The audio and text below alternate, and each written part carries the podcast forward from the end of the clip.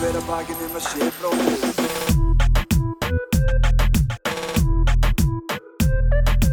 Bera hver að bakinn um að sé bróðir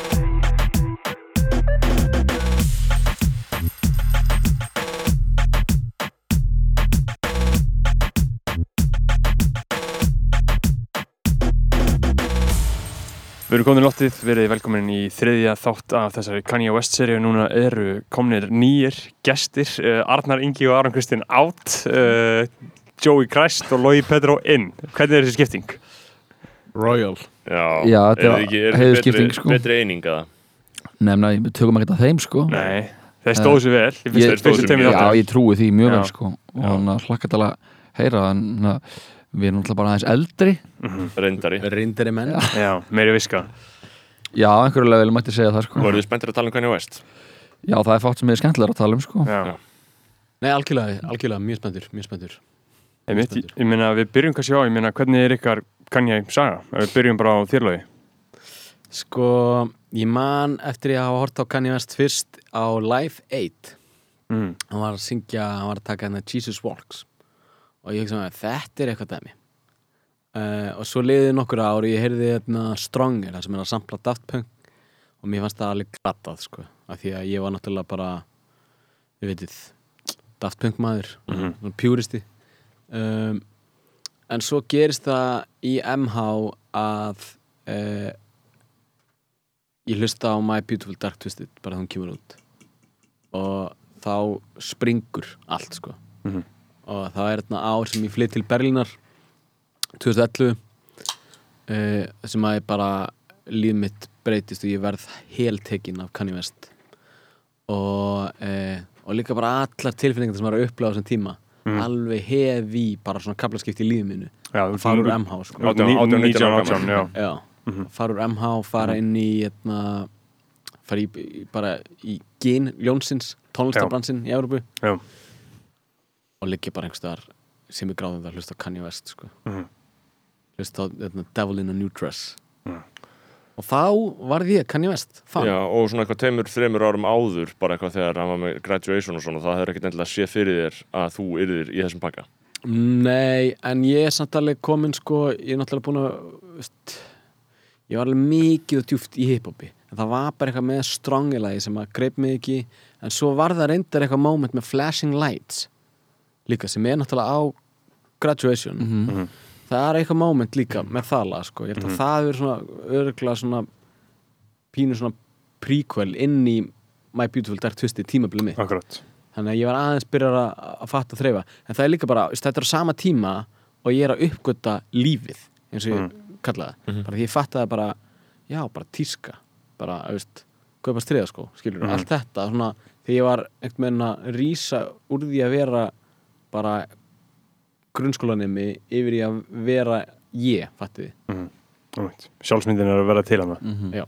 Einmitt. Þetta er beintinn í fagafræðinu á Kanye Já, bara konungur fagufræðarinnar Mhm. Þú veist, það er engin, engin betri þar Nei, most rappers taste level ain't at my waist level Já Ég sko man að ég heyrði fyrst Kanye West uh, í Östubáskóla og það var bara þegar fyrsta platan kemur Mhm. College Dropout. Og það er uh, mjög svona uh, merkur maður sem hafði mikil áhrif á okkur vinnina Bóas Hallgrímsson Mhm. uh, söngvarinn í hljómsveitin Reykjavík og hann var félagsmyndstöða stjórinn í hundraðinum. Breyti líf okkar. Breytti líf okkar. Þú veist, hann bara hann, hann bara hann var að hlusta þetta kom út og ég var ekki alveg, þú veist ég hlusta á þetta og bara eitthvað, já, já, þú veist þetta var svona, eða, ég, þú veist það er eitthvað svona þegar maður er yngri þá er maður svo, mi- með svo mikla svona, svo mikla fortíðatrá eða svona, maður hugsa svo mikið eitthvað svona að þarna var allt gæðið og á þessum tíma sem hann var að spila þetta fyrir mig þá vorum við bara nýbúin að horfa Kids. Og við vorum bara með svona brjálaða 90s fokkin bara svona þrá og ég var bara að hlusta á Triple Quest og Wu-Tang og De La Soul og hann bara svona þú veist, þetta þetta er svona 90s gullaldarrapp bæði East og West og að þannig að það var ekkert eins og logi, eins og ég á loga, það var ekkert fyrir löngu síðan, sko, síðan, sem ég einhvern veginn svona klikkaði, eins og þegar Graduation kom út, það fannst mér bara Stronger fucking sucka mm. með þess að bara ógeðslega fucking asnalegt Mhm. og það er líka eitthvað svona eitthvað svona pre-teen rebellion dæmi sem, sem felst í því að maður er einhvern veginn með eitthvað svona hugmyndum hvað er hreint og ekta og maður er einhvern veginn er ekki tilbúin að gefa neitt afslátt á því Það er líka svona smá kynnslafmunur í þessu eins og við vorum hérna fjórir í fyrirdag Já. með Arnari og Aroni og þá voru allir að tala um hvað Stronger hefði bara eiginlega verið sko einhver leiti gateway inn í Kanye West sko. Já. Það var svo sjúkt lag. Ég, ég man ennþá eftir sko áferðinni á sætunni sem ég var í þegar ég heyrði.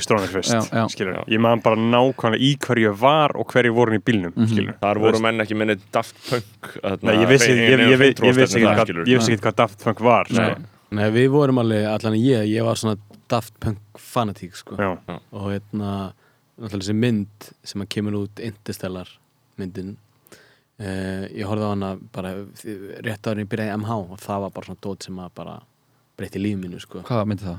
Það er hérna anime myndin. Já, sem þeir gera Já, þeir náttúrulega, þetta eru tónlistamindböndum við hérna, Harder, Better, Faster, Stronger Já. og allt þeirra dót. Tvö- sem kemur 2006 eða ekki Jú, mjög aðeins fyrr kemur myndin. Já, en þetta er bara svona geggja bara geggjuð anime mynd sem að Mhm. Daft Punk gerði á sínum tíma Já. og, og náttúrulega líka bara homework-platan og, Mhm. Og ég var hérna byrjar að reyna líka eftir Punk og svoleiðis Mhm. og hjælt mjög mikið upp á þá og veist, ef maður er í þeirri stöðu þá, og, og, og þú heyrir einhvern amerískan rappara Mhm. sampla eins og Kanye gerði Já. þú veist, fyrir einhvern franska hérna, pjúrista skilur Já. það er bara eitthvað bullshit sko. Það sem geggja sko að þeir sem franski bjúristar hafa fattað þetta sko af, af því að þú veist eins og við tölum að þeir, þarna var svo mikill munur á því að vera franskur og amerískur. Mhm, þess að það var, kann ég vissi ekki hvað Daft Punk var samplaða, Nei. eða þú veist hann fann, heyrði lægið og fann það og fann sá bara nafnið og sagði, the last name, that's me já I'm punk, I always have been and I always will be, skilur Já. Já. og, og, og samplaða það, hann var ekkert skildi og, ekkert og þarna var náttúrulega ekki bara þessi svona yfirdrifni tónlistarlegi globalismi hafinn, Nei. skilur það sem að fólk er bara eitthvað á Nei. hverju sem er og bara hvaða tungumál sem er, skilur Einmitt. Einmitt. og náttúrulega, og sambandi hans kann ég við sko, svona franska elektróning eftir að koma meira í ljós uh, hjá Jesus, sko, Mhm. Þa, þar fer hann alveg full circle með það Já, ég Sam- sko átti eiginlega sem var það, það eins og loðið sagðan þá var eiginlega þegar ég heyrði Devil on New Dress inn í Mhm. bílum hjá Gísla Ragnar í Guðmundsinni á leiðin á fótboltamóti í MH Mhm. bara, hann var að spila þetta í, við vorum að keira bara úr Garðabæ niður í Kórin og þá var það sem ég var bara eitthvað ok, what, bara eitthvað hvað er í gangi hérna, þú veist? En ég var ennþá samt svo mikið bara eitthvað, ég var svo lengi bara að hjakka í einhverju old school hip-hopi. Og ég er ógustlega þakkláttur fyrir, fyrir það í dag að maður er kann sína sögu hvað það varðar af því að þú veist, við erum svona semi að þú veist það er ekkert allir sem voru á okkar aldri sem manna voru þar, þú veist og ég á bara eitthvað, ég á bara að hlusta líka mikið á Stones Throw og Madvellinni og okkur svona dót Mhm. uh, en ég held að ég hafi raunverulega ekki orðið ástfengina Kanye West fyrir en ég byrjaði að leysa skólanum sko Já. og Jesus kemur út Mhm. af því að það er bara eitthvað svona af því að þú veist, ég var bara eitthvað svona að hjakka svo mikið í alls konar einhverju 90s stóti svo lengi og þannig að og það er bara eitthvað þegar ég byrja allavega í og Jesus kemur út og þú veist, það er auðvitað að hlusta mi- mikið á hann að Beautiful Dark Twisted Fantasy og búin að taka allan katalógin og að hlusta alveg mikið á 808 og eitthvað. En bara þegar Jesus kemur út það er ég bara eitthvað, ég er að byrja allavega í og ég er bara eitthvað, oh my god og ég er bara mann bara eftir því, ég var bara að rífast til bekka sýstu mína sem manna var að segja, ég gæti ekki verið feminism ef ég hlusta á Kanye West, eða feministi. Og þannig að ég var bara eitthvað svona hversu mikið mikla 2013 samræður? Já. og ég er bara eitthvað að fokkin hnakk rífast í mötunutin og sölvhólskutu respect og þannig að og ég, það var eitthvað við þá þess að ég var bara svona, ok, þessi gaur er my guy, Já, það, þetta er svipað að segja bara að þú getur ekki feministi og ætlar að vera sko, að keira bíla eða ganga gangstjætt you can't win sko. Þetta voru einfaldri tímar sko. Já. já, þetta var rosalega svart hvít en sko við, en ég meina eins og við- þú bæki, það því talandu svona hip-hop og uh, svona þessa old school þarna, íhaldsemi. Já. ég meina, lendið þú ekki, þurftið þú ekki að eiga svipa transition eða það sem þú þurftir að leifa sjálfur þér að hlusta á eitthvað? Bara, 100% sko. gerðist bara eitt kvöldið inn í svefnafriki Já, mi- mitt transition period sko, þarna að það, það var svona, eh, svona 2000, það var eiginlega með My Beautiful Dark Twisted Fantasy. Það var svona fyrsta platan sem ég man út sem ég man eftir, sem að ég hlustaði á um leið og kom út mm skilur þú veist, ég er náttúrulega, ég byrja að hlusta á rap ég byrja náttúrulega að hlusta á rap þegar ég var 6 ára skilur 2001, 2002 með Rottvaler en ég byrja að sko hlusta sjálfviljur á rap svona 2007 þá er ég bara að hlusta Biggie og hlustaði bara á East Coast skilur Mhm, þannig að maður svona stjórnað af sko svona fórumum maður las einhver staðar að West Coast hip-hop var ekki real hip-hop og þá var ég bara ok, fuck Dr. Dre hann er ekki real skilur, og bara trúði því í tvö ár skilur Mhm. en þú veist, og það var í rauninni með My Beautiful Dark Twisted Fantasy sem er svona fyrsta platan sem að kemur út og ég byrja að hlusta á hana í, í svona samhliða þessu. Mhm. og eins og að tala um Devlin og New Dress þú veist, pældi ég að hlusta á það veist, og ég hlusta á það eitt morgun og byrja að hugsa bara af hverju er Rick Ross aldrei í samræðum um að vera besti rappar alltaf tíma hann á heima þar af hverju fær hann ekki að vera skilur, það er að því hann frá söðrunu, og það er líka smá út af hans projektum að þau Já. hafa ekki verið er alveg rétt. Og þú veist, hann er feature king já, Mhm. gaur, þú veist, hann segir Version hann, segir, I'm making love to the angel of death catching feelings, never stumble retracing my steps og klára lagið með því síðan kemur bara eitthvað gítar og eins og Já. dælunum nú dress, þú veist, það bara kemur bara eitthvað gítarsóló í tvær mínútur og síðan kemur Rick Ross vers, Mhm. Já. skilur ég mæli mjög mikið með að- lesa æfisögn hans já, hún er epic hún er fucking Já. epic Já. og þegar hann er að segja frá því þegar kann ég vera, þú veist, bara svo fyrst til að segja hann bara, heyrðu, þú þarft að gera það betur bara Já. þegar hann skrifa versið sitt og. Devil and New Dress já, og bara þú veist, þetta er óof óof epíst, þannig að koma eitthvað accept úr þessu netinu þegar bókin kemur út. Hann að tala um eins ég lesið, er frábær kapli Já. epist, sko, epist en sko, við erum að tala um hérna My Beautiful Dark Twisted Fantasy. Mhm. Kanye er hérna 2009 uh, fyrir på sviðið, VMAs segi sannleikan, Beyoncé had one of the best videos of all time skilur, uh, hefði alveg mátt gera það á snirtilegri hátt, skilur uh, hann fer hann upp á svið og er bara hat, hataðasti maður Ameríku. Fullkomlega hataður. Það er bara, þú veist, hann verður bara svona punching bag fyrir alla, það er bara hatan allir og þannig bara fórseti bandarækjana kallar hann asshole. Já, já, hann hefði, hér sér að sér sko, það sem gerðist gerðist og það Já. gerði mannin sko. já, já, einmitt, þetta er origin storyð sko. Og það finna er að hann fer í pældi, ég, þarna var hann hann gæti ekki haft sína rödd, skilur hann gæti ekki sett neitt á Twitter. Jú, hann með blogg sem ég gekki að lesa svona gömul, að svona arkafa einhver Mhm. en þú veist, þarna þurfti hann bara að fara í bara til Ellen og Good Morning America Já, til þess að fá að tjá sig. Það hefur breyst rosalega með og hann hann- fær svo, breytir svo rosalega hvernig fólk hann, hann þurfti bara að láta allt þetta fólk og þú veist það er frækt um fyrir Jay Leno fucking bitch ass Jay Leno maður.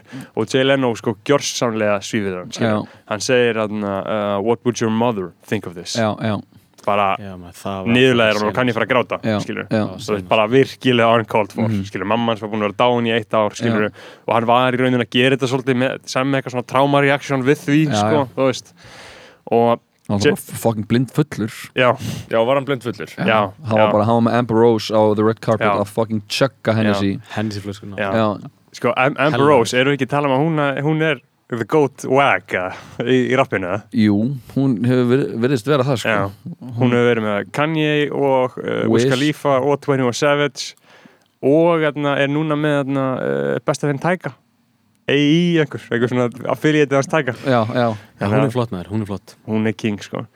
Um, en hann fer í einan sko apology tour og ákveði sig um bara að gefast upp segi bara Mhm. fuck it, flytur til Róm er þar í sex mánu, internar hjá Fendi þau bara að gera það, bara líka það er fucking epist Já. skilur, hann er bara global megastjarna en vill læri ekki á um tísku þannig að þau bara internar uh, fer internar á Fendi, lærir það svona Uh, svolítið síðan fer hann kemur hann smá svona tilbaka, fer hans aftur til bandaríkjana skilur að þú veist það var í rauninni bara Mos Def sem sagði hann bara, gaur þú þarft að fara skilur, Mhm, bara mhm. þú, þú þarft að fara við vitum að þetta er rétt hjá þér skilur en Já. bandaríkin eru bara ekki alveg tilbúin skilur Mhm.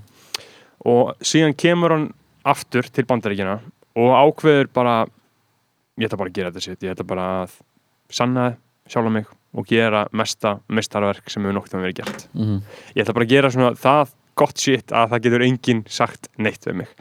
Og svo hún er að mestuleiti tekin upp í Hawaii hann flytur til Hawaii og bara leigir út heilt stúdíu og sko sögurnar af þessum sessjónum eru svo fucking Já. rugglar þú veist það er hægt að fara á YouTube og skoða bara mismunandi perspektíf hjá öllum. Hann var að fljúa öllum sem að koma að plötunum bara fucking Rissa, Kid Cudi, Rihanna bara bestu pródúserum, bestu Ross. bestu söngkonum í heimi. Já, bara bókstaflega bara algjört heimsklassa lið. No tweeting. Já, flýgur því inn til til Hawaii, lætur alltaf verið í jakkafötum, skilur hann með bara eitthvað svona fucking algjört brálaðinga shit í gangina að því þarna er hann bara staðræðan í því að gera mesta mistarverk sem að hefur nokkuð verið gert.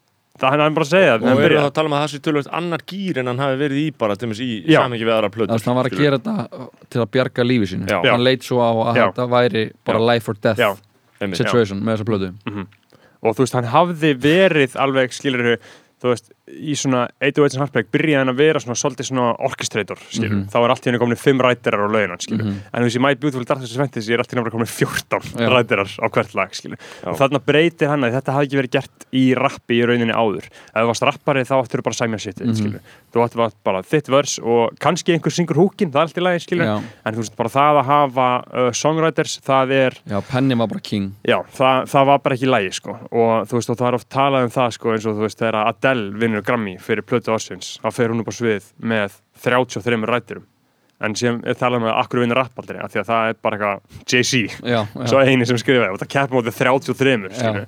þannig að kann ég svolítið uh, breytir því þarna Mhm.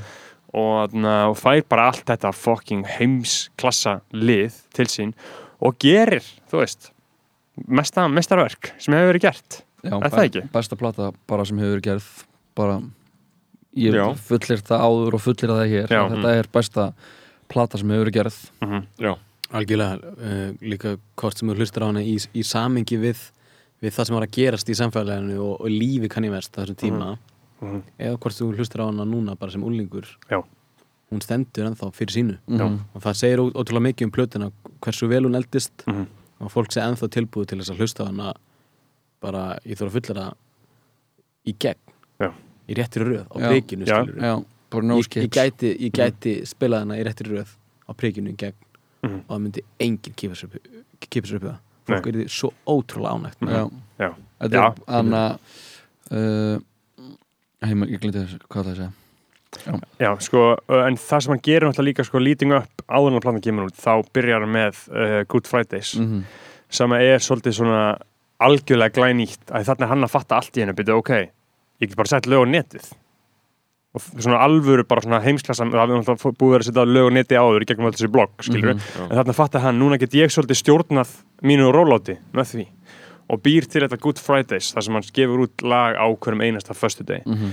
og sum lögin af því enduðu á plötunni sum ekki, þú veist það eru ógeðislega mikið að geggjum lögum eins og Christian Dior Denim Flow já. þú veist það er bara eitthvað svona guðdómið lag sem að mér finnst að hefði alveg átt með, með að vera á plötunni sko, veist, en Mhm. greinlega passa ekki inn sko, Christmas in Harlem og bara uh, Looking for Trouble og alls konar sitt sko þannig að hann svona í rauninni byrjar þetta rollout og þá fer hann líka náttúrulega í prestúr af því að þú veist, hann er svo fucking geggjaður í viðtölum mm -hmm. þú veist, hann er Já, já. bara hann, og þá fer hann í prestúr og seg, segja bara svona já, en ég meina Beyoncé had one of the best videos of all time.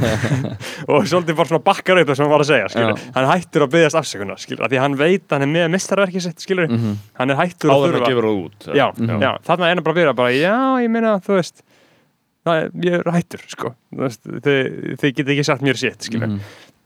og, og þarna platan kemur út þarna svona í svona, á haustið oktober uh, 2010 og það sem er episkast að við þetta, því við vorum að tala um að þetta er bara pjúra mestaverk, að þetta er svo marg þátt á marg lagað, skilur allt í einu bara eitthvað og öll lögin eru bara, að, veist, þarna var líka svolítið nýtt, ég meina lögin eru hérna 5 mínútur, 6 mínútur, 6 og hálf 5, 9, 5 og hálf 8, skilur Mhm.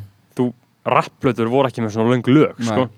Þetta voru alltaf bara 3 mínútur. Og eru sannlega að vera stittri sko. í dag. Já. algjörlega. Blöðu í dag eru bara einu og hálf mínúta. Já. eða 90 já, sekundur já, basically, sko bara fyrir TikTok. Já, bara trailerar, eða þú veist. Emna, það sem ég ætla að segja en ég glindi er náttúrulega það sem líka þú veist, maður tekur náttúrulega eitthvað svona takmarka marka á einhverjum svona listum og einhverjum svona álutum einhver, einhverja, þú veist, fjölmiðla en mhm, þú veist, The Guardian velur þetta þetta er í öðru sæti við bestu listar 20, 21. aldar. Mhm. Hvað er nummer eitt, mannst það? Visitors, þetta er ræða kjartans Jaha, Já. respect. Þannig að þú veist, þetta er þetta er, þetta er, þetta er bókstaflega bara meistarverk þú veist, þetta er bara eins og fokkin þannig að bara nýjöndarsymfónían og þetta er bara eins og þú veist, ég, maður getur bórið þetta saman bara við já, þetta er á kalibri við bara, stó, já, bara stóru Já. verk Já, sögunnar, bara, bara bókmyndaverk og bara, Já, þú veist, you name it, bara Kubrick og En það er nú samt svona einhver, það er einhver staðrind sem á eftir að uh, sko, taka mjög langan tíma að sitra inn í svona einhverjar veist, að kanónur fjalli þannig um þetta og að það sé, að það sé sagt sko, veist, þetta, það er bara 50-100 ár þangað til að við getum gert ráð fyrir að það verði einhver svona einhver raunveruleg þú veist, við erum að kannast við það hérna núna þessum þætti, en það er, það er ekkert verið að gera það al- í svona víðum skilningi, ekki í bara einhver svona basic kerfum, mentakerfi eða hvað Það sem það er er þessu Nei. geggja að við fyrir alltaf í að rúfbasja Já, og- það, það, það er enginn sem vinnur á rúf sem að viðkennir þetta mistarverk skilur Nei. örglega ekki. Jú, jú, það er alveg, jú, jú, það er fullt af fólki á rúf sem gerir það, en, en ég er að tala um því, það er enginn sem gerir það, skilur já, svona, já, kanónar. Já, Allir Már, Rex Bannon, kongurinn, shout out. Og jú, það er kannski eitthvað og ef þú myndir spyrja gíslumartum með það já, jú, jú, Hei, er dottin út? Ég Já, heyrðist eitthvað illir lögum Já, ég dætti nút, Já, dætti kom. nút já virkar hún? Ég ætla að segja, þetta er náttúrulega sko akkurat þetta sem við erum að tala um og að, að svona menningavitanir eh, munu á einhverju tímapunkti þurfa að gangast því að þetta sé eitt af stóru verkunum Já, eh, Þetta tala líka bara í þessa umræðu um rúf af því við vorum að tala um rúf Já. og bara að, að, hvað músík rúf spilar almennt og, og það staðrenda að, að fólk á bara ótrúlega erfitt með að e, tengja raptónlist við, við e, list sko mhm, já, almennt og, og ástæðan fyrir að Rúf spilar spila varla raptónlist sko Já, þetta, Bara- er bara, þetta er bara svona algjör blindni Mhm. og þetta er náttúrulega svona rosa samfélagslegt Mhm.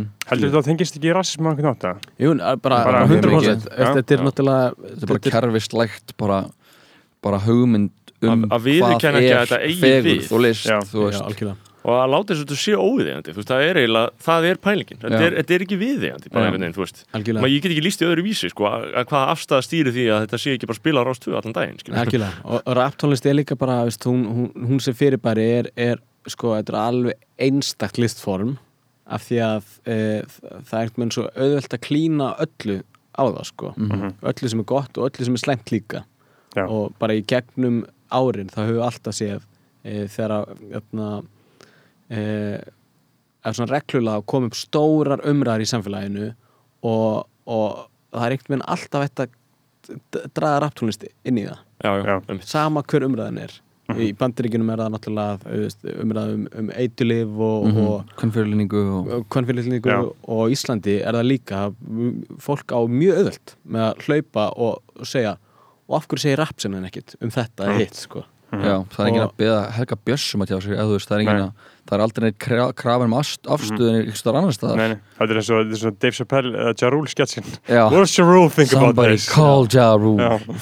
Og þetta er þess er þetta svona þess er þetta líka svo stert listform sko. Já, og þetta líka drífur áfram eins og bara hefur aldrei verið skýrt og í dag eða hvað þetta drífur áfram popningu af því að það sem hefur áhrif á produksjón í poptónlist er rap-produksjón já, og bara þú veist, þegar maður sér bara eitthvað eins og súpistörnir eins og bara Miley Cyrus fyrir nokkrum árum tóku svona reinvention og einhvern veginn hætti að vera barnastjarna og fór að gera músík, þú veist, hún gerir þá vinnir hún bara með Mike Will og, mm og þegar Ariana Grande gerir plötuna sína eftir, þú veist, hún lendi í þannig trámanu sínu í skótarásinni og þá ger, vinnur hún með Pharrell, þú veist, og það er, þetta mótar bara hvernig við sko sjáum heiminn, hvernig við heyrum heiminn og það er ekki og, og það er sem ég líka er finnst manni aldrei svona sorglega við þetta er að það er ekki vitund um þetta Mhm. fólk átta sig ekki á því hvaðan, þú veist, hvað slagkraft þetta hefur já, sko. og hvað hva rætunar liggja eða, veist, Já. það er svo mikið bara í bara, er bara í öllu í allri músík, hún á eiginlega þú veist, eiginlega allir tónlistafnir eiga rætu sem er reykja til svartar menningar, menningar í bandaríkunum Mhm. þú veist, hvort sem það er eitthvað tekno bara fer nýri til Detroit bara Detroit Houseið og þú veist, og bara Rocky verið til upp, á blúsinum og þú veist, þetta er bara svona, e, þetta á allt rætu sem er reykja í það Mhm. en það, og í því líka kristallast bara eitthvað fordómanir og rasismin að, að það er aldrei gefið kredit þú veist, where credit is due sko. Nei, nei. það er alltaf skauta framhjá því hver í rauninni þú veist, bítlanir hefði ekki gert þetta shit ef þeir hefði ekki haft doing my Nei, algjörlega, menna, veist, þetta er náttúrulega bara uh, stærsta lígin sko. Já. er stærst, þetta, er, þetta er stóra lígi Mhm. okkar samtíma Mhm. og það er að, að öll poptónlist Mhm. er uh, afsprengi list, já, eh, svartara etna, uh, Amerikana mm -hmm. já, öll poptónlist nútímans kemur þaðan Mhm. og stóra líin er að, að við fáum ekki að sjá stórar popstjörnur nema náttúrulega þessar undatækningar, Mhm. prins og allt það fyrir en eftir aldamótin sko. Mhm.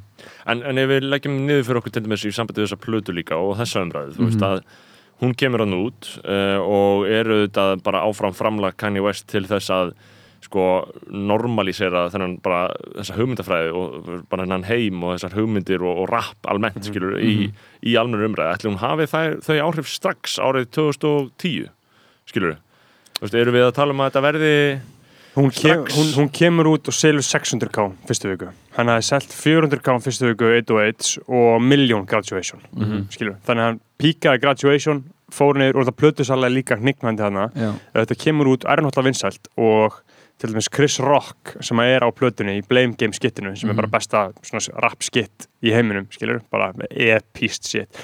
Hann er sko fyrstu til að segja Chris Rock, svolítið svona establishment Hollywood svona grínisti skilur, bara Já, svona bara- gaur sem að fólk hlustar á búin skilur, í SNL og bara búin að Já. vera vinsalasti grínist í bandarækjana Já. hann fer bara hann tekur þátt í plötunni og er aðna í prósessinu hann segir bara this is the best rec record of all time Mhm. Já. bara, það hefur ekki verið gerð betri plata en þetta um, samleiðis, þú veist, þe- og leiðum leiðum kemur út skilur, Mhm, og svo, þau orð hafa náttúrulega bara stó, svolítið staðist tímans tönn mhm. og illaði honum að þóra í raunin að segja þetta þarna, því að ég held að hann sé ekki bara svona, guður eins og ég ekki segja bara hvað sem er, skilur, hvað sem er best að setja í heimi skilur, veist, það er svona það svona uh, það að hann hafi sagt þetta þarna er svona, og, og fólk var alveg svona, já þetta uh, gæti alveg verið rétt skilur, Mhm, en það var samt ekki sko, ég var of ungur þarna 15 ára til þess að geta almennilega metið á sérstaklega hérna á Íslandi, hvernig við, við, viðtökuna voru, Já, skilur það er auðvitað að sjá fyrir sig, hvað segir þið? Ég meina, hvernig, veist, það hefur náttúrulega aldrei verið neinn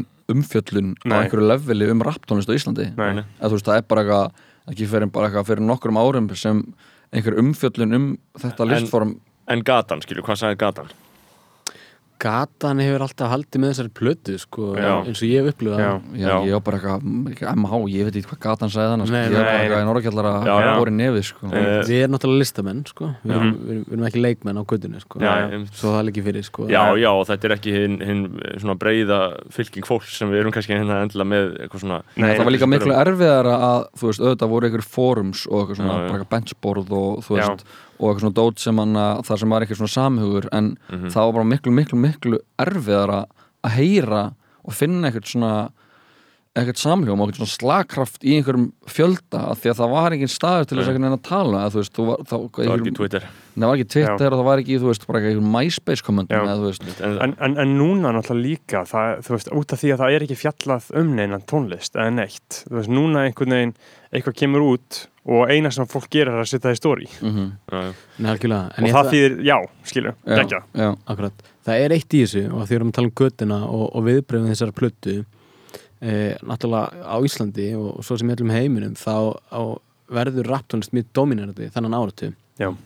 og þessi plata alveg definitely stór hluta því Já, já. Mhm. og þið getið rétt svo ímynd ykkur uh, hvað þessi plata gerir þá mikið fyrir Íslands samfélag uh, þannig áratu sem að prikið uh, næra etna, næra svona stimpla sig inn sem bara svona hóf já, íslenska Mhm. uh, rapsins og, Mhm. og, og svona ungrar menningar.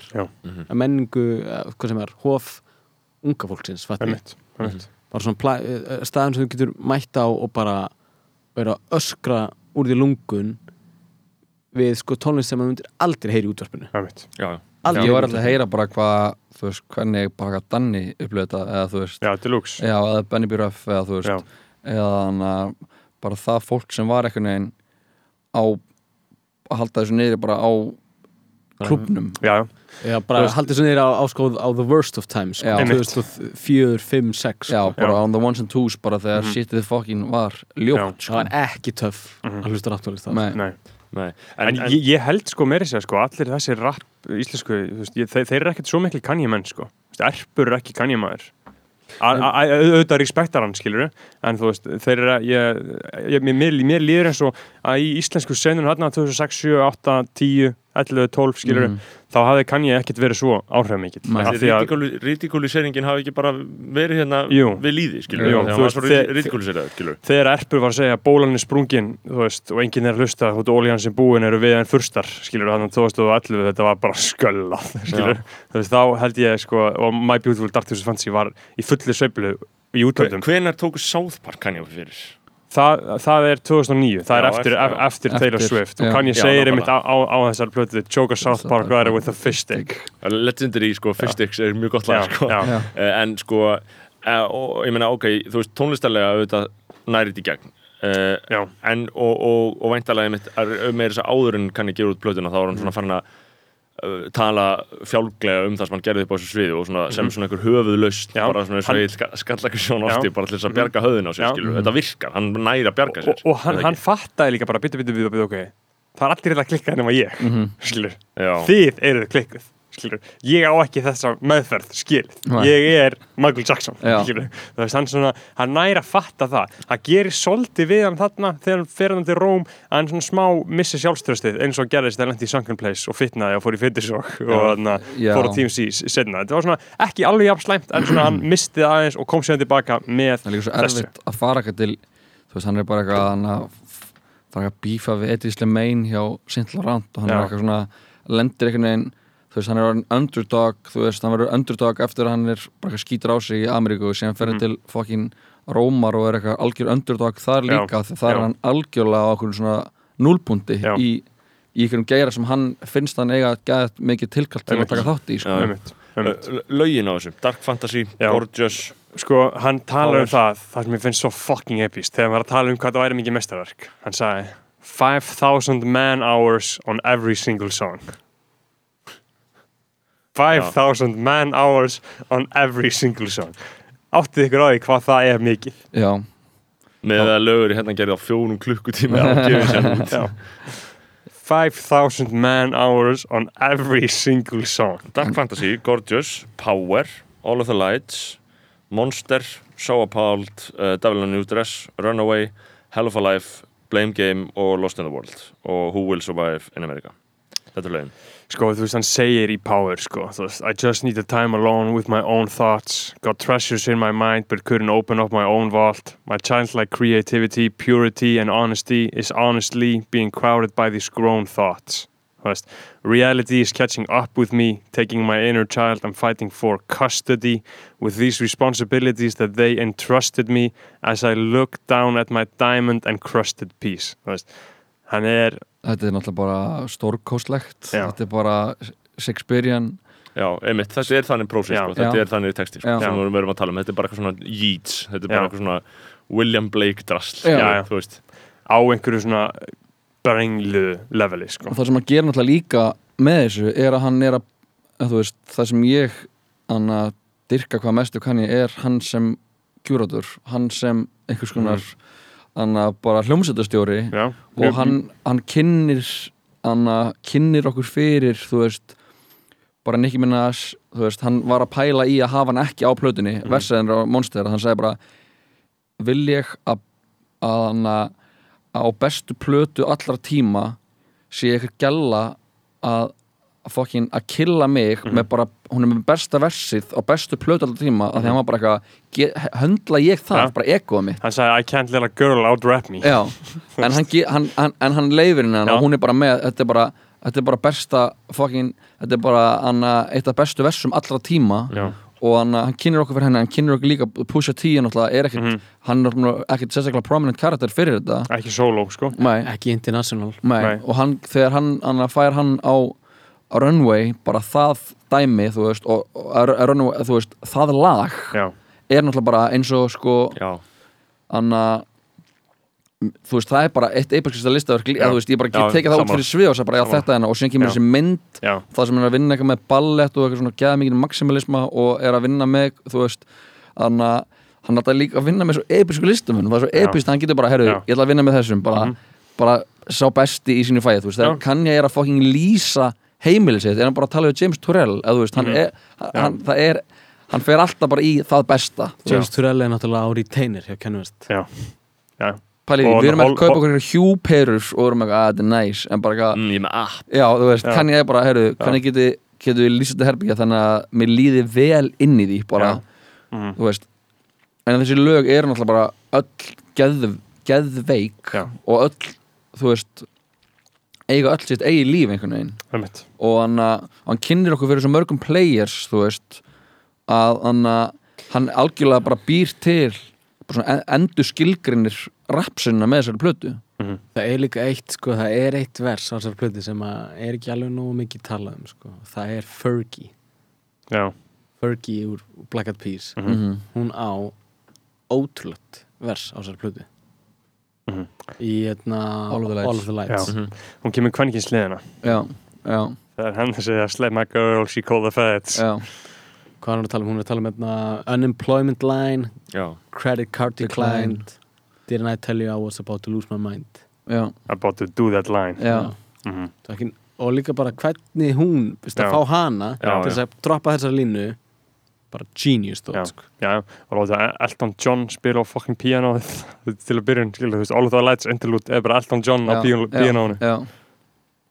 alveg, og bara er crazy og bara þannig að bakgrættinir Já. á þessu lagi, þú veist, mm. vídeo er alltaf geðvett ég, alltaf, ég var í, myndbætabúa í, í MH og ég gerði svona ballvídeó fyrir eitthvað jólaballs þar sem ég gerði svona kliftaði eins og vídeóið, það ég var svona eitthvað svona ég var með hana introið í gangi undir og svona svarkvít og síðan eitthvað var ég að reyna að gera svona blikkandi litadót inn eitthvað svona, maður er náttúrulega alltaf góður að klippa hana og, og þannig að þú veist, þetta hafi bara svona þetta hafi bara, þetta snerti bara vimmanni á einhvern svona hátta sem var bara eitthvað bara djöfull veit, hva, veit hann hvað hann er að gera Já. sko, líka ímyndaður ef maður sko ber það saman við uh, sko þá stöðu á kanni bara hann, hann er bara að koma með sitt mistarverk 2010 ef maður ber það saman við Drake á sama tíma sem var bara því ég hugsa bara þetta er bara hagaskóli þegar ég byrja þetta er bara haustið sem ég byrjaði hagaskóla skilur þá var það bara I better find your lovin og það var bara að koma og það voru allir alveg að kann ég pródúsera það? Já,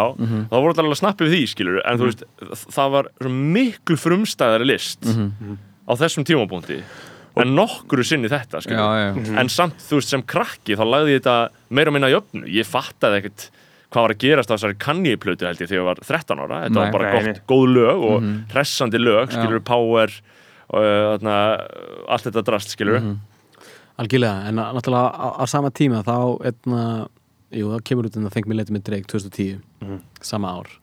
En svo kemur uh, meistarverkið hans Drake náttúrulega bara árið 2011, setna sko, og Drake náttúrulega, þú veist, ég held að svona, svolítið svona uh, bífið milli þeirra hafi smá byrjaði Drake var náttúrulega kött á út á All of the Lights Já. hann, var, hann var upprunalega með vers á All of the Lights. Og það þú getur fundið á YouTube, þá verður síðan remix setna. Svo sjálft, það er það er hægt að finna Drake og Big Sean á því sko. Þeir áttu báður að vera hana, það kann ég var bara að prófa allt. Já. fæ bara einhvern gauður til þess að gera vers á þetta og bara hann eyðir bara, þú veist, tíu klukktíum nei, bara þúsund klukktíum í það og svo bara, nei! Já. En fyrir ykkur sem listamenn, skilur, að stunda slíkt, þú veist, hva, hva, hvað segir þið um það? Að, að vera væðarlaus við samstagsfólk? Gauðir, ángríns maður, ég er með, gott dæmi um, um, um akkurat svona, sko, við vorum náttúrulega saman í Köpunöfn, við strákandir Mhm. eh, ég, Jóhann, eh, Sturla og, og Byrnir og, og, og Egil og Alexis, umbúsmenn og Arnar Ingi. Og Arnar Ingi. Kongurinn kongurinn og það hérna, verður til alveg frábært lag út í game Mhm. og það er náttúrulega vers bara frá okkur öllum í, í fyrstu útgáfinu af því. Já, á ennsku Mhm. á, á ennsku og ég man svo vel eftir að Byrnir hingdi í mig að heyrðu hérna um með lægið, ég er svona að, prófa, ég veit ekki alveg hvort það virki versið þitt. Ég man ekki nákvæmlega hvernig hann orðaði þetta. Það var bara svona, gauðir bara fucking Mhm. no worries. Áhyggjur. Já, mér finnst það gæðvett bara þegar hann að þú veist, ég hef alveg fengið nokkur sinnum bara eitthvað herðu, versitt er ekki alveg ekki alveg að hitta þarna og ég er alltaf bara neini en það er bara, það er, þú veist, Já. það er en hluta listinni, eða ekki? Já, ég, maður. ég hef líka komur oft í þessar aðstæðar sem ég er að rappa okkar lag hjá Byrni sem hann er að vinna einhverju plötu og ég rappa okkar lag og, og þú veist, og ég er bara að gera þetta mér langar svo ógeðslega mikið að vera með þú veist, Mhm. en sem veist mér líka bara epist að það sé bara eitthvað, neða, þetta er ekki Já. að, þú veist, hann er alltaf svona komið svona frekar smekla á orði Mhm. Uh, en þú veist, ég hef líka svona Það er einhvern ekki hægt að segja þetta smeklega það, getur, ekki- það er ekki hægt þú veist, þú, það, það er del alltaf bara hei, við erum bara að taka það út. Já, Mhm. en mér, ég er svona, svona líka svona í senni tíð, þú veist mér, mér finnst skemmtilega og skemmtilega að sko að skrifa onni ykkur aðra. Já. og bara eins og 100 p þá skrifa ég húkið og læt flónu að syngja, ég söng það fyrst Mhm. og síðan eitthvað kom flóni og söng það bara eitthvað flóni var bara fram með bara, getur komið og syngja þetta? Hann syngur þetta. Mhm. og, hann, og þá er Martin fyrst eitthvað ég held kannski þetta sé eitthvað, þetta lag ég er bara, já, Já.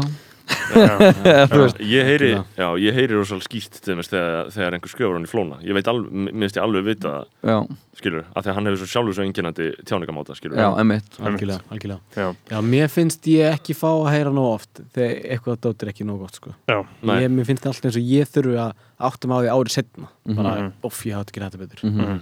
Mér finnst það óþólandi tilfinning. Já. maður á að vera svo ógísla hreinskilin og það er hættulegt að umkringja sig jámanum það er, það er Mhm. ákveðin dauði sem fylgir því sko, af því að þá ertu bara einhvern veginn þá ertu að setla í einhverju formi sem þú átt ekki að setla. Mhm. eða þú veist, þú myndir ekki eitthvað byggja hús með einhverjum jámunum, bara hörru, þannig að byggja það og síðan bara eitthvað, Já. á ég að gera þetta. Já, bara með eitthvað smið bara, á ég að setja þetta hérna Já, já, já, já, já, þa- ég held að það væri bara gett Já, hver illa maður, illa. Ég held að vera bara gett, þú myndir setja þetta Já. hanga og síðan Já. bara eitthvað, þú veist er allt, já, bara hrinu gólfið og, og Já. bara dettur onni í að Já. jötu bara og, Rest þú veist, já, þú veist, þetta bara þetta snýst svo mikið um að vera að því að þú veist, þegar þú ert bara með eitthvað jáminn í kringu þá þú veist, það getur allir sleftið að hafa einhvern í kringu Já. Já, ég held að Kanye sé fullkomin andstað við Jáman já, hann, þarna, þú veist Jáman. það, það, þeir, þarna, þeir, þeir segja það bara eins og bara Rick Ross og Pusha T á þessar plötu. Þá var Kanye bara segja, nah, it's not hard enough it's not hard enough, þeir bara hafa bara fucking gangstarappar frá Virginia og Miami skilur, Já, já. þú segir þetta ekkert við þá Nei. skilur, en hann segir bara, nei, nei, nei, ekki nóg gott Já. ekki nóg gott, bara skrifa þetta aftur. Og þeir bara gera það aftur og aftur og aftur og aftur. Að þess að Cuddy, Cuddy hefur sem sagt að hann er náttúrulega skrifað mikið fyrir Kanye. Mm og hann var, ég var að lesa eitthvað viðtölu um dag hann sagði bara, Kanye hefur aldrei sagt að það sem ég hef skrifað sé ekki Mhm. nóg gott. Allt sem ég hef skrifað fyrir hann hefur verið bara þetta er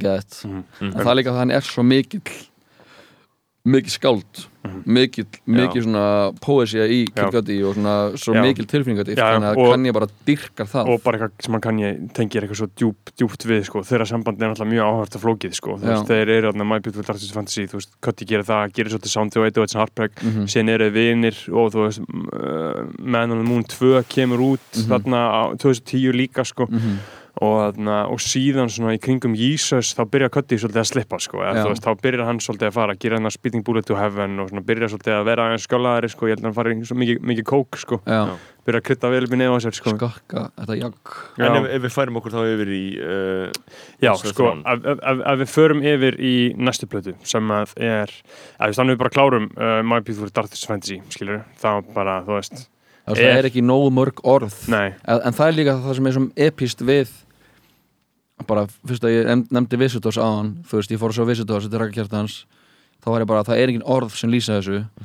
Með þessa plötu, það er ekki til þau orð sem lýsa þessari plötu. Að þetta er upplöfun þetta er bara list í sinni hreinasta formi af því að þetta er spurning um þú veist bara augnablik og upplöfun og það er ekki hægt að lýsa því á neitt hátt. 5000 man hours já þú veist hann heldur marga putta í þessu þú veist, Mhm. en þetta var líf eða dauði og hann og maður heyri það og þú veist, ég var að hlusta á hann að Dissect podcasti sem Spotify er með Mhm. ég mæla mig að hlusta á Dissect um þetta að hann er að krifja bara eitthvað þú veist, hann, er með svo ógeðslega djúpa reffa í Mhm. og hann að, og sko í rauninni sko upplifunin að hlusta á þessu tónlist hann er að gera svo mikið í svona hljómfræðilega sem er sko sem er að leika ákveðni maður manni líður af því að í hljómfræðinni er búið að reikna út bara hvernig einhver ákveðni skalar og hvað svona crescendo og svona dót, hvað áhrif það hefur á bara svona tíðin, tíðnislega bara á mann Mhm.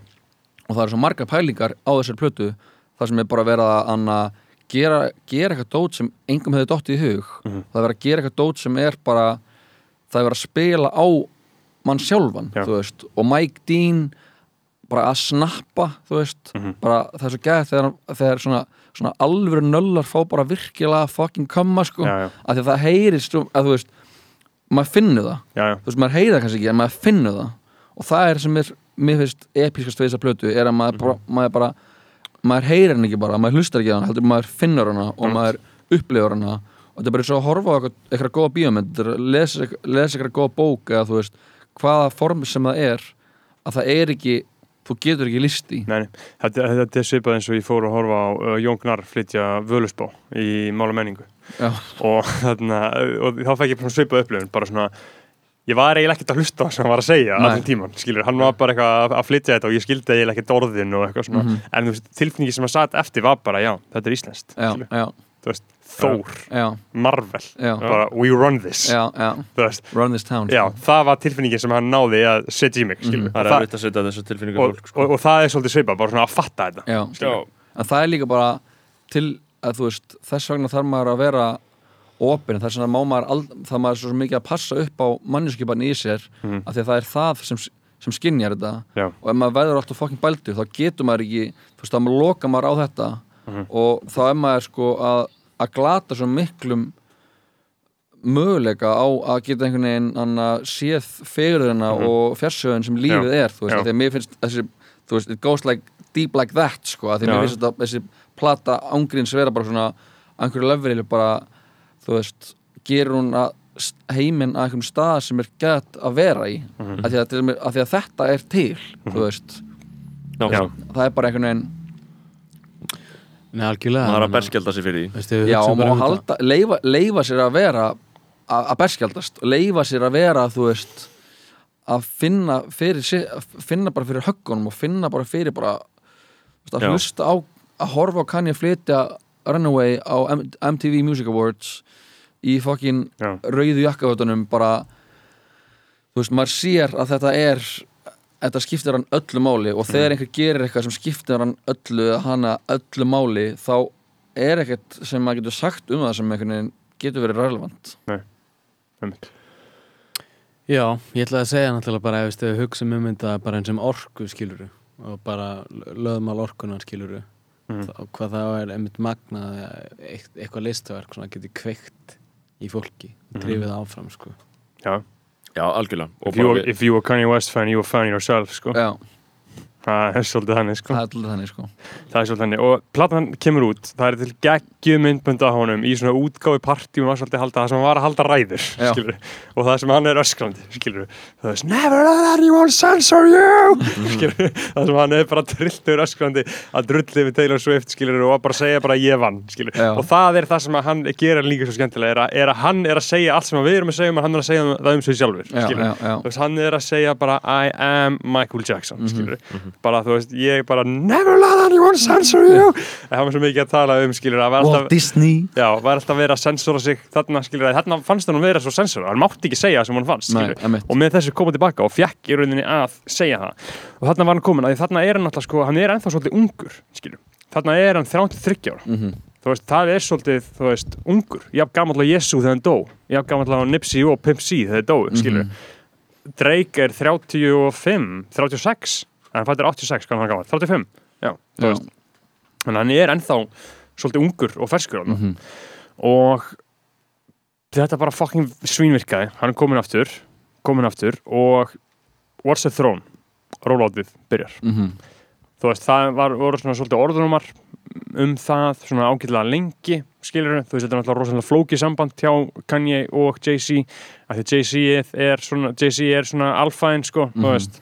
Hann er stóri bróður já, hann er stóri bróður, sko, og þú veist, Jay-Z er alveg átta árum eldri en Kanye, skilur, hann er fættur 69 og Kanye 77, það er Mhm. svolítið aldursmunur, sko, og Jay-Z var búin að vera í leiknum, skilur, fimm ár Mhm. áður en að Kanye uh, kom eitthvað inn, sko. Me, lengur, jafnvel, sko og hann er að opna líka dyrnar fyrir Kanye Já, hann, hann sænar hann og þú veist og hann svolítið býr fyrirlin hans til Mhm. er, er, er hægt að segja skilur. Já. og kann ég skuldar hann allt, þú veist, gerði heilt lag um hann Big Brother sem Mhm. hafði aldrei verið gert áður í rappi þú veist, það Mhm. var aldrei eitthvað svona male admiration jú, það var alltaf virðing, skilur Já, en aldrei neitt svona á á, á, á þessu leveli þannig að þeir í rauninni bara gera þessa plötu What's the Throne til epic heimildamind um það á YouTube sko, ég mæli með að checka á því sko. Mhm. uh, sem að þeir gerðu, sko, þetta er eina svona official eitthvað kann ég heimildmyndin, hún er bara sjö mínútur eða eitthvað, skilur Já, þetta er svona short uh, það sem er bara að sína hvernig þeir eru bara að leiða út einhver fucking hótelherbyggi í París skilur og hann eru rosalega mikið með eitthvað svona luxury raps á heilinum, skilur Mhm. þú veist, þetta er svona hyper-capitalistic svona uh, black excellence Já. þú veist á yfirborðinu virðist hún vera rosalega mikið þannig bara við erum svo fucking ríkir. Mhm. bara horfið á okkur. Og veist myndbandi við þarna Otis þá eru þið bara að taka einhvern Maybach og breyta honum öllum og brjóta hann skilur og kveiki honum Já. skilur að þið geta og ég held að Maybach, veitir hvað hann kostar? Kostar hann ekki eitthvað svona 200 miljónir eða eitthvað eða bara eitthvað vangefið Ég hef einu sinni á auðminni sem Maybach og það var í Sierra Leone sko. Vá. Fátækast það ríki sem ég farið til little was, little was known in Sierra Leone sko. Ég held að sé líka mismöndi eftir hvort þetta sé sko Mercedes framleitur eða veist, original já. Anna, en já, þetta er, þetta er Start, starting price er 200.000 dólar já, Það var cash, Já. það var 30 Já. miljónir Já. úti, já, 50 miljónir á Íslandi. Já, starti præsan eða ætlar að kaupa einhvern almennilega svona bíl þá er það alltaf já. 100 millur ögla já, En sko, fyrsta, fyrsta singuli af What's the Throne Þetta er náttúrulega ógæðislega hæpað ég man, Mhm. ég, Þarna var ég komin í hæpið, þarna var ég að fylgjast með já sko. reyn, ég er enda fór með svona fleipur á hana að Jesus hafi verið en þú veist, það var já, þa þannig að maður var að horfa á þetta í Norðurkjallara já, já, þú veist, þetta var bara og ham, Horace Motherfucker mm -hmm. það kemur út Lex Luger. Lex Já. Luger já, og þ- þarna setja það svona luxury twist á Lex Luger mm Mhm. þarna var soundið í rappi bara pjúra eitt pródusser, Mhm. Lex Luger það er bara svo, svo trapp heilar, Já. Waka Flocka Flame uh, já, allt þetta shit og þeir svona setja svona svolítið sitt luxury spin á það Mhm. uh, og ég man eftir, ég maður, þetta kom út maður svona, hm, akkur þeir að gera þetta Mhm. eða skilur, þetta er einhvern veginn, akkur þeir er eitthvað fucking, akkur tvær geitunar að elda sound nútímans, Mhm. skilur það var svolítið svona fyrsta viðbröð við þessu. Mhm. fólk fýlja þetta ekki það mikið. En það eldist mjög vel, sko. Þetta lag er Já, já. geggjað ef þú hlustar á það í dag, sko. Já, mér þessi plata bara já, bara geðvik plata. Mhm. Og, Og flott. Og, Og- og hvað, hvaða rólót, hvaða lög komið fleiri, fleiri, fleiri og, í og, og síðan þurftu þau svolítið að leita í upprunnan, sko. Mhm. uh, út af því að út af, út af þessu. Og notuðu bara gamla Kanye, Chipmunk Soul samplið sem Mhm. er Otis Mhm. þú veist, það er eina lægi á plötunni og, sem að, og bara í langa tíma sem Kanye pródusser bara sjálfur, skilur bara samplar þetta sjálfur, Mhm. gerir þetta sjálfur og þú veist, það er semi besta lægi á plötunni, sko, eða þú veist mm. það er, með Spike Jones myndbandina sem er eðalega já bara svona bandaríski fánin risa stór, Mhm. þú veist, þetta var þetta bara táknaði eitthvað nýtt, Mhm. skilur Já, já, algjörlega Þetta ták- var eitthvað wave, sko. Já, þetta bara táknaði The Throne, skilur Líka bara, það má ekki gleyma honum Frank, náttúrulega Frank er á plötunni. Já, No Church in the já, Wild, já. geðveikt lag Já, já, geðveikt vídeo. Já, Made in America. Já, Made in America. New Day er náttúrulega, finnst mér eitt besta lag með Kanye West, sko. Já, Og líka, hérna, það er lag maður, hérna, Who Gonna Stop Me eitthvað heitir það sem er- Flux Pavilion Me, samplið. Já, Flux Pavilion Já, Það, já. algjörlega, Það er- þeir eru mjög já. að leita sko, þeir eru að finna já, og, og reyna að vinna með það sko. já, og má náttúrulega ekki gleyma N-Words in Paris Nei, já, Já. það var það ekki aðal bangarinn í þessu það var gerði allt bangir algjörlega og þegar þeir sko. gerðu tóku vídeo þess að þeir tóku það fokkin 8 Já, 9 sinni já, í röð já, Ég man 11 eftir sem því. í röð 11 sem í röð París, í Já. þetta er líka ángrínsmaður það breytti leiknum sko. Það gerði það, sko. Já. Áttasinnum við röð, það er crazy Já. pæling Já. sko. Það er Já. líka svolítið svona vísir að sko, einhverju svona sjálfstæðri performance list innan raps, Já. skilur þú veist að, að Mhm. þarna verður til einhver svona stemning sem gerist bara í rappið, það sem er bara eitthvað verið að spila sama lag, Mhm. tíu sunnum og öllum, með- þetta er ekki þetta er ekki eitthvað svona hefðbundi tónleika, skilur, þetta er eitthvað annað Já. þú? bara svo að sjá Herbert Guðmundsson taka Can't Walk Away bara já, já.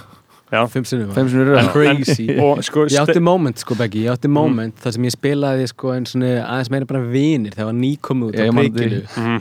áttasinnum já, já, ég man eftir því, Já, já, já, ég man eftir því, það var geggjað. Það var fucking classic, það er alltaf banger sko.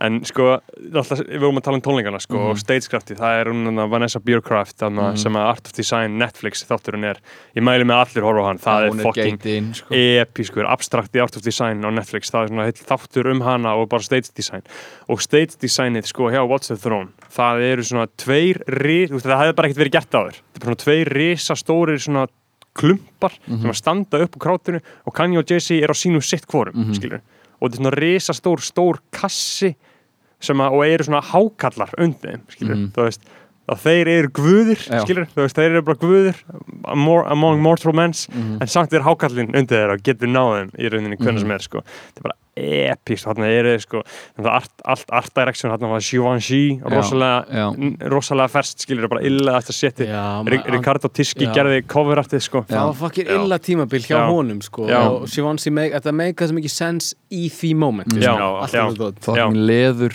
pilsin Já. quilt Já, ég man eftir því og Já. leður buksuna líka Leður. Já, það komu rosalega bara inn Já. eftir þetta já, Já. N-Noir menn þetta voru var- bara í að haga skóla böllum í já, leður já, já, Nákvæmlega, sem er viðbjöður sko. Já. og, og, og svo sko ef þú horfir á, horfir á bara mynd myndir finna bara mynd af bara einhverju gauð sem er í hagaskóla í þessu núna, myndir Já. bara oi, oi, oi, Já, já. en ef þú sérð Kanye í þessu í dag það er bara fucking rockar Já, Já, 100% þegar þeir swag, sko. líka mest legendir dótið að vera þegar þeir hann að taka þetta á Victoria's Secret fashion showinu Já. og hann, Já. hann er í hvað ekki, Margiela H&M jakkanum Mhm. og hann að það var bara að sá performance það já, oh my god, ég veit hvað algjör já, kjörnun á einhverjum kultúr já, Já, það var rosa, það var í fucking svarta og græna Já, jakkanum. Versace, Versace Mhm. H&M Já, Versace, já, já, H&M, já Nei, Þetta er moment maður, eins og bara núna, þú talar um þetta, ég var búin að gleyma þessu Já. en þetta er moment, Já. þetta er bara moment í, Já. í, já, algjörlega Þetta kjarnar, þetta kjarnar eitthvað stemningu Já. og hann að og mér var svo geggja sko að þeir gáttu verið vinir einhvern veginn í gegnum þetta allt Mhm. þeir voru náð að vera equals þetta er alltaf rosalega hjá Jay-Z að uh, þú veist, að kingja svolítið svona sínu stolti Fara á Sem- sama stall. já, fara í rauninni bara, já ok, þú ert komin á sama Við- level og ég, Já, skilur já. það segir rosalega mikið um hann sko. Mhm. að þeir hafi, og þeir hafi náða að standa, saman, bara Evróputúr alheimstúr og bara algjörlega, bara þú veist, þrjú myndbönd, myndbandið þarna við fyrsta lagi með Frank Ocean þarna, Mhm. með svona ræjóttið Já, Ni- anna, en, en, en Northern Paris myndbandið, skilur þú veist það, þú veist directed by Kanye, skilur já. En e, tölvöld frábröðum plata frá My Beautiful Dark Twisted Fantasy já, hvað finnst- ykkur er bestu lögin á henni?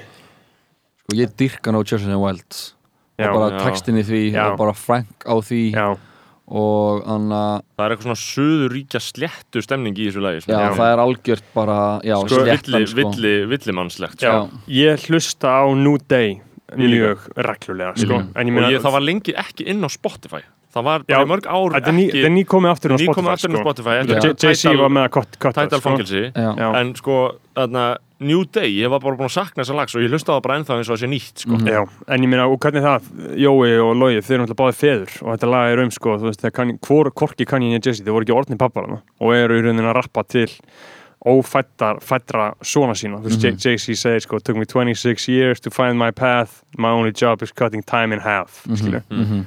Og Kanye segir, never let my son have an ego. Þú veist.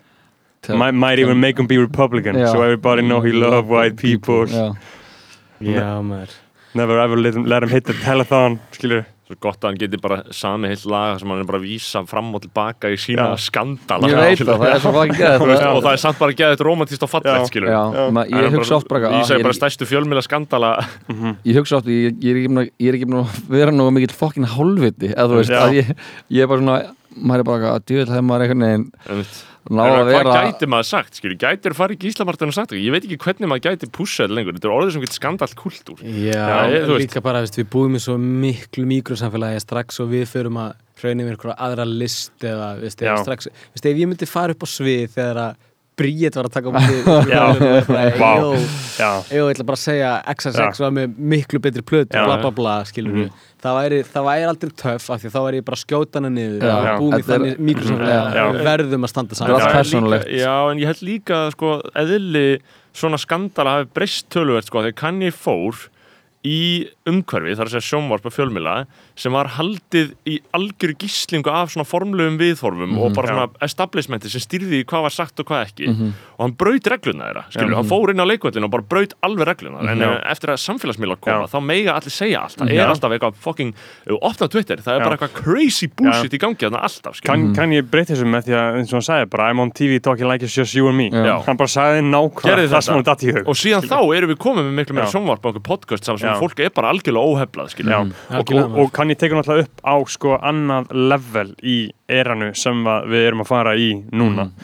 Já, sko að að þegar við fara úr sko What's the Throne eitt callback í Why I Love You sem Mr. Mhm. Hudson þar er er hann að sampla hann að Cassius sem er hann að líka þetta franska Já. þú veist, franska Já. electronic þannig að hann er, er a- all roads er að leiða já það þang- þangað sem hann er að sem hann fara er að fara sko. í næsta þætti, kæru hlust